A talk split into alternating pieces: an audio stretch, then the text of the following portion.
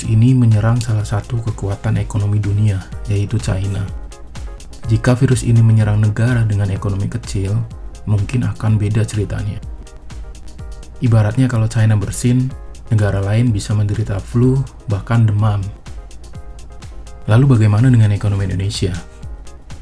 Para investor melihat bahwa investasi di Indonesia akan memberikan risiko yang besar Apakah kondisi sekarang mirip dengan krisis 98 atau 2008? Mungkinkah terjadi PHK dalam kondisi seperti sekarang ini?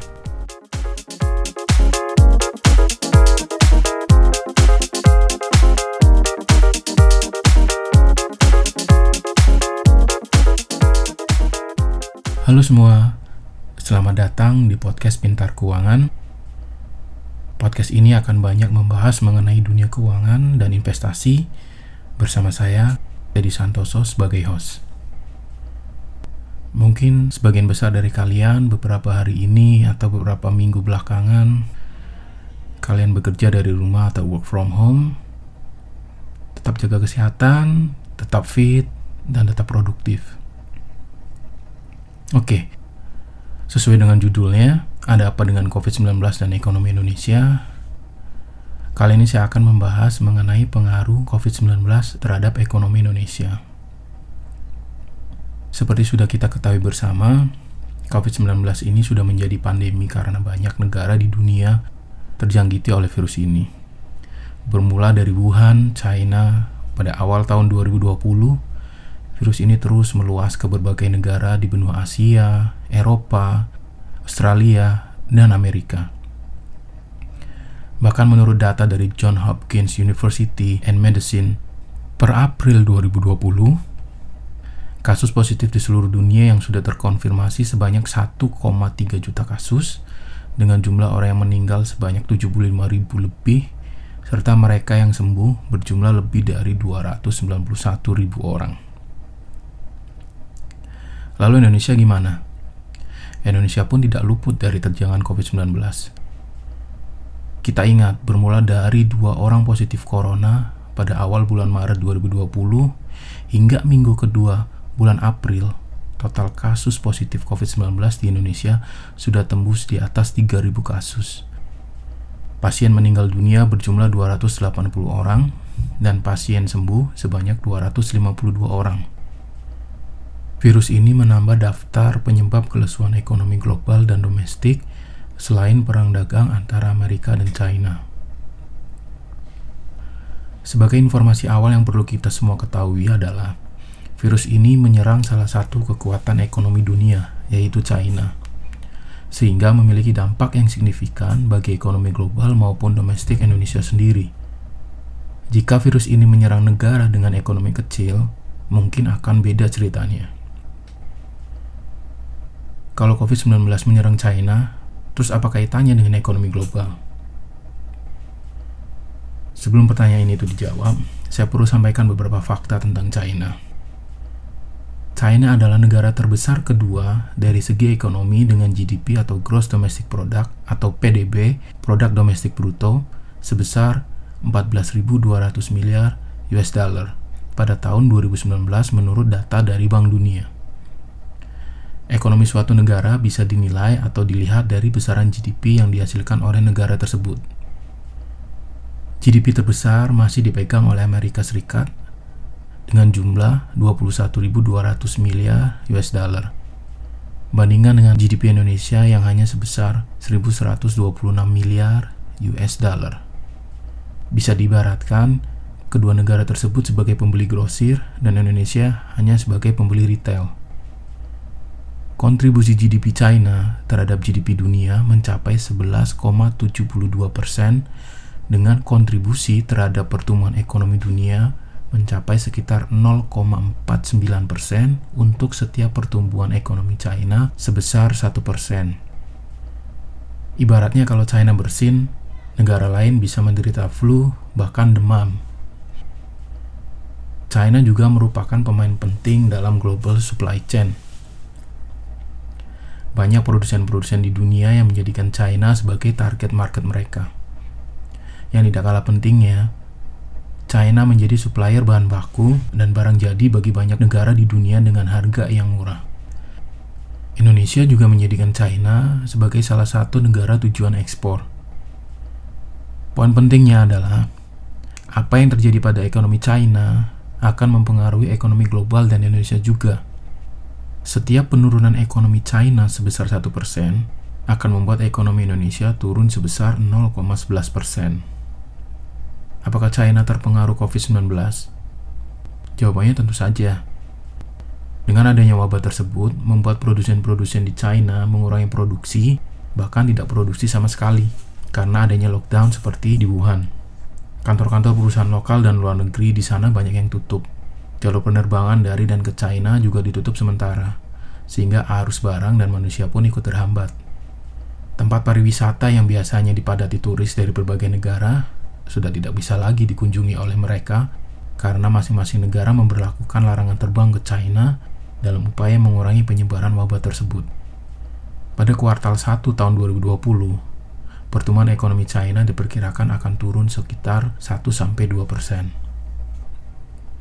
Bagaimana COVID-19 yang bermula dari China dan menjadi pandemi ini berpengaruh terhadap sebuah perekonomian? Secara sederhana, bisa dijelaskan seperti ini. Suplai bahan baku dari China yang terhambat, serta melemahnya permintaan global, membuat produksi menjadi terganggu. Ditambah lagi dengan adanya aturan social distancing, akan membuat permintaan barang dalam negeri juga ikut mengalami penurunan. Akibatnya apa? Akibatnya perusahaan tidak bisa melakukan produksi sehingga pendapatan perusahaan akan menurun dan bisa mengakibatkan PHK bahkan bisa bangkrut. Selain itu, dengan adanya social distancing juga akan mengakibatkan penurunan pendapatan masyarakat, terutama mereka yang ekonominya bergantung pada pendapatan harian. Aktivitas ekonomi yang terganggu akan berpengaruh juga pada pendapatan pemerintah, baik pajak persorangan maupun perusahaan, serta berpengaruh juga pada sektor keuangan. Pendapatan turun, maka pajak juga otomatis akan turun Turunnya pendapatan perusahaan akan membuat pembayaran kewajiban kredit ke bank akan mengalami masalah dan berpotensi menambah kredit macet di bank. Dengan meningkatnya kredit macet, maka profit bank pun akan ikut tergerus juga. Jadi efeknya akan bisa melebar ke mana-mana. Biar lebih gampang, saya coba kasih contoh. Misalnya saya punya pabrik, pabrik tekstil katakanlah. Nah, pabrik saya ini ambil bahan baku sebagian dari China. Dengan adanya hambatan arus barang, termasuk bahan baku dari China, maka stok bahan baku saya tinggal sedikit bahkan bisa habis. Kalau sudah habis, maka saya tidak bisa berproduksi. Nah, karena saya tidak bisa berproduksi, maka otomatis pendapatan saya akan jauh berkurang, akan turun.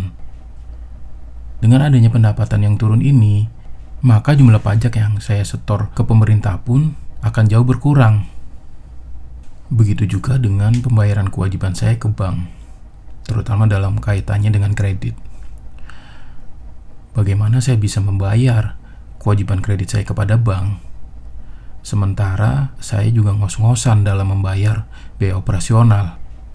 Saya harus bayar gaji karyawan, bayar listrik, bayar air, dan sebagainya karena saya telat bayar kewajiban ke bank, bahkan tidak bayar sama sekali, maka kredit saya berpotensi bisa menjadi kredit macet, dan itu bisa bermasalah bagi bank ke depannya. Lalu bagaimana dengan ekonomi Indonesia? Indonesia terkena imbas juga akibat pandemi ini. Bahkan Menteri Keuangan memprediksi skenario terburuk pertumbuhan ekonomi Indonesia bisa menjadi 0% sampai 2,5% pada tahun ini. Selama kuartal 1 nilai tukar rupiah terhadap USD sudah turun sebesar 17,74 persen. Hal ini juga diikuti oleh penurunan IHSG atau indeks harga saham gabungan sebesar 27,95 persen dalam periode yang sama. Namun bukan hanya IHSG saja yang loyo. Pasar modal di negara seperti Inggris, Jerman, Singapura, Malaysia, Thailand, even Amerika pun mengalami hal yang sama. Yang jadi pertanyaan sekarang, mengapa rupiah dan ISG bisa ikutan turun? Pandemi ini menimbulkan ketidakpastian secara global sehingga berakibat menurunnya tingkat kepercayaan investor terhadap pasar modal di seluruh dunia, tidak terkecuali Indonesia. Para investor melihat bahwa investasi di Indonesia akan memberikan risiko yang besar. Oleh karena itu, mereka melarikan uangnya dari instrumen investasi berisiko seperti rupiah dan IHSG. Banyaknya investor yang melakukan penjualan terutama saham blue chip atau saham dengan kapitalisasi besar dan liquid memancing investor lain untuk melakukan hal yang sama. Sehingga IISG mengalami penurunan karena pergerakan IISG sangat dipengaruhi oleh pergerakan saham blue chip tersebut. Selain itu, investor asing melakukan investasi di Indonesia akan menggunakan rupiah. Jadi ketika mereka menarik dananya dari Indonesia, mereka akan menukarkannya dengan valuta asing termasuk USD. Banyaknya permintaan USD yang tidak diimbangi dengan supply akan membuat rupiah terkapar. Yang jadi pertanyaan selanjutnya, kalau keluar dari Indonesia, uang investor itu akan lari ke mana? Meningkatnya risiko akibat ketidakpastian serta turunnya kepercayaan investor membuat mereka mengalihkan investasinya dari aset berisiko ke safe haven seperti emas dan obligasi pemerintah. Hal ini tercermin dari jumlah aliran modal keluar yang tembus 171,6 triliun selama periode 20 Januari sampai 1 April 2020. Perlu diingat bahwa investor cenderung untuk mencari instrumen investasi yang menguntungkan, namun tetap memperhatikan tingkat risiko atau risk appetite. Berbicara tentang investasi, maka kita juga akan berbicara mengenai ekspektasi atau harapan di masa depan baik jangka pendek maupun jangka panjang. Jika investor mempunyai ekspektasi yang bagus terhadap suatu instrumen investasi di masa depan, maka mereka akan melakukan investasi tersebut. Namun sebaliknya, kalau ekspektasi investor tidak bagus, salah satunya karena ada risiko yang besar di masa mendatang, maka investor akan cenderung menaruh dana mereka ke safe haven. Mengapa? Karena untuk mengamankan dana dan menghindari kerugian. Sektor apa saja yang terpengaruh COVID-19? Hampir semua sektor akan terkena imbasnya, baik secara langsung maupun tidak langsung. Namun ada beberapa sektor yang mungkin akan terkena lebih parah dari sektor yang lainnya. Yang pertama sektor manufaktur. Produsen yang mengantungkan impor bahan baku dari China akan menderita. Dengan adanya pelarangan penerbangan dari dan ke China akan membuat arus barang dalam hal ini bahan baku, akan menjadi terhambat. Dengan hambatan bahan baku ini, produsen tidak bisa melakukan produksi. Kalaupun berproduksi, hanya dalam skala kecil. Hambatan tersebut akan membuat kelangkaan bahan baku yang ujungnya akan membuat harga bahan baku naik. Kalau produksi dalam skala kecil, sementara bahan baku naik dan produksi tidak memenuhi skala ekonomis, maka harga produksi akan meningkat. Peringatan harga ini akan membuat daya beli masyarakat tergerus. Begitu juga bagi perusahaan yang produk jualannya berasal dari China. Mereka tidak akan bisa jualan karena barang jualan mereka belum bisa dikirim dari China. Perusahaan eksportir pun sama. Mereka nggak bisa kirim produk ke China sebanyak biasanya, atau bahkan nggak bisa kirim sama sekali karena permintaan yang turun akibat COVID-19. Sektor yang kedua adalah pariwisata. Dalam report yang dirilis oleh ADB, Asian Development Bank, lima negara dengan kunjungan wisata terbanyak dari China pada tahun 2018 adalah Hong Kong, 68% turisnya dari China, Palau 39%, Kamboja 33%, Vietnam 32%, dan Korea Selatan sebanyak 31%. Sedangkan Indonesia, 16% turisnya berasal dari China. Dengan adanya wabah ini, turis dari China dan negara lain akan jauh berkurang, sehingga akan memukul sektor pariwisata, termasuk juga hotel dan penerbangan. Yang ketiga adalah sektor retail. Dengan adanya wabah COVID-19, membuat masyarakat takut untuk keluar rumah. Apalagi ada aturan pemerintah mengenai PSBB atau pembatasan sosial berskala besar untuk menghindari penyebaran virus. Hal tersebut akan mempengaruhi kinerja retail, terutama retail yang mempunyai bangunan fisik seperti toko, minimarket, supermarket, dan pusat perbelanjaan. Kenapa? Simpelnya gini. Karena masyarakat enggan keluar rumah, permintaan akan berkurang. Permintaan berkurang juga akan menyebabkan pendapatan berkurang. Untuk mengantisipasi hal tersebut, banyak mal-mal di Jakarta yang melakukan penutupan sementara untuk menekan kos. Sektor yang keempat adalah perbankan. Mandeknya produksi dan penurunan permintaan membuat pendapatan perusahaan turun. Jika bank melihat perusahaan ada potensi bangkrut karena pendapatan yang turun terus di masa mendatang, maka bank akan menghentikan kredit lainnya yang akhirnya bisa membuat perusahaan tersebut kehabisan cash flow dan akhirnya beneran bangkrut. Perusahaan yang bangkrut tidak akan bisa membayar kewajiban ke bank dan hal ini akan menambah NPL bank. Dengan meningkatnya NPL, maka profit bank pun akan ikut tergerus juga karena pencadangan untuk kredit macet diambil dari laba bersih bank.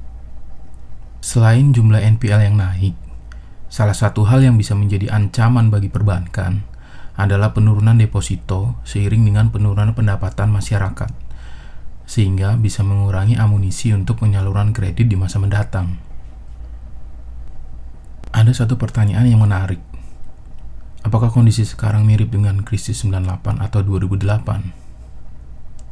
Jawabannya adalah berbeda. Krisis 98 dan 2008 disebabkan oleh krisis finansial yang berujung pada krisis ekonomi, sedangkan sekarang disebabkan oleh wabah virus. Penyakit ekonomi pada tahun 98 dan 2008 bisa diatasi dengan obat ekonomi juga, seperti penurunan suku bunga, pembelian surat utang oleh pemerintah, dan sebagainya. Sementara wabah virus ini menyerang manusia dan belum ditemukan obatnya sampai sekarang. Ditambah lagi dengan tingkat penyebaran yang sangat cepat ke berbagai negara di dunia. Lalu timbul pertanyaan, rupiah di tahun 98 dan sekarang kan sama-sama anjlok ke angka 16 ribuan. Mungkin secara nominal iya, namun yang perlu diperhatikan adalah di tahun 98 rupiah anjlok dari kisaran 2.500 menjadi 16 ribuan atau turun menjadi lebih dari 6 kali lipat. Sedangkan saat ini pelemahan rupiah masih di bawah 20%. Jadi secara persentase pelemahan rupiah saat ini masih jauh apabila dibandingkan dengan tahun 98. Nah, pada tahun 2008 rupiah melemah dari kisaran 9.000 ke 10.000. Selain nilai rupiah, ada beberapa indikator lain yang menjadi pembeda. Yang pertama, tingkat kesehatan bank. Tingkat kesehatan bank bisa kita lihat dari CAR, Capital Adequacy Ratio atau rasio kecukupan modal di perbankan. Selain itu juga bisa kita lihat dari jumlah kredit macet atau NPL. CAR secara sederhana diartikan sebagai perbandingan antara modal dan aset perbankan. Semakin besar semakin baik. Pada Februari 2020 sebesar 23%, sedangkan pada tahun 98 mencapai minus 15,7%. NPL perbankan tahun 98 meroket hingga angka 48%, sedangkan sekarang masih di kisaran 2,77%. Indikator yang kedua adalah inflasi. Inflasi tahun 98 melambung tinggi mencapai kisaran 77%, sedangkan saat ini masih terjaga di kisaran 3%. Indikator yang ketiga adalah pertumbuhan ekonomi. GDP tahun 2019 tumbuh di kisaran 5%, sedangkan tahun 98 sebesar minus 13%. Ada teman mengajukan pertanyaan seperti ini. Mungkinkah terjadi PHK dalam kondisi seperti sekarang ini? Jawabannya, bisa saja terjadi. Kenapa? Kita ambil sektor manufaktur sebagai contoh Arus barang yang terhambat dari China akan membuat kelangkaan bahan baku. Karena bahan baku langka, perusahaan enggan untuk melakukan produksi. Kalaupun produksi juga dalam skala yang kecil dan tidak ekonomis. Hal ini akan menyebabkan penurunan pendapatan perusahaan. Dan bahayanya, jika hal itu terjadi terus-menerus, maka akan mengancam kelangsungan perusahaan. Dalam rangka untuk bertahan di tengah berkurangnya pendapatan tersebut, perusahaan akan melakukan pengurangan cost atau efisiensi, salah satunya ya dengan melakukan PHK. Tampaknya pemerintah menyadari betul potensi kerusakan yang bisa diakibatkan oleh pandemi ini terhadap ekonomi Indonesia. Hal ini tercermin dari dikeluarkannya stimulus jilid 3 pada akhir Maret 2020 dengan jumlah sebesar 405,1 triliun rupiah. Dari jumlah tersebut akan dialokasikan sebesar 75 triliun untuk bidang kesehatan seperti belanja alat kesehatan dan insentif tenaga medis, 110 triliun untuk jaring pengaman sosial bagi masyarakat miskin dalam bentuk subsidi listrik, kartu sembako, kartu prakerja, bantuan tunai melalui program keluarga harapan atau PKH. 70,1 triliun untuk dukungan industri berupa insentif pajak dan stimulus kur dalam bentuk penundaan pembayaran pokok dan bunga dengan skema kur selama 6 bulan. Sisanya, yaitu sebesar 150 triliun, akan dipakai untuk program pemulihan ekonomi nasional. Tujuan stimulus ini tentunya berawal untuk penanganan bidang kesehatan terlebih dahulu. Karena sebelum pandemi terjadi, ekonomi Indonesia masih baik-baik saja. Bantuan sosial bagi masyarakat miskin akan membantu untuk mempertahankan daya beli mereka dan dukungan industri bisa membantu para pelaku usaha untuk bisa survive selama masa pandemi. Jadi prioritas utama adalah mengatasi penyebaran COVID-19. Selama pandemi belum diatasi dengan baik, saya pikir ekonomi tampaknya masih akan suffer. Kita bisa berdoa dan berharap semoga apa yang dilakukan oleh pemerintah dan masyarakat bisa membuat pandemi ini cepat berlalu sehingga kita bisa melakukan aktivitas normal kembali.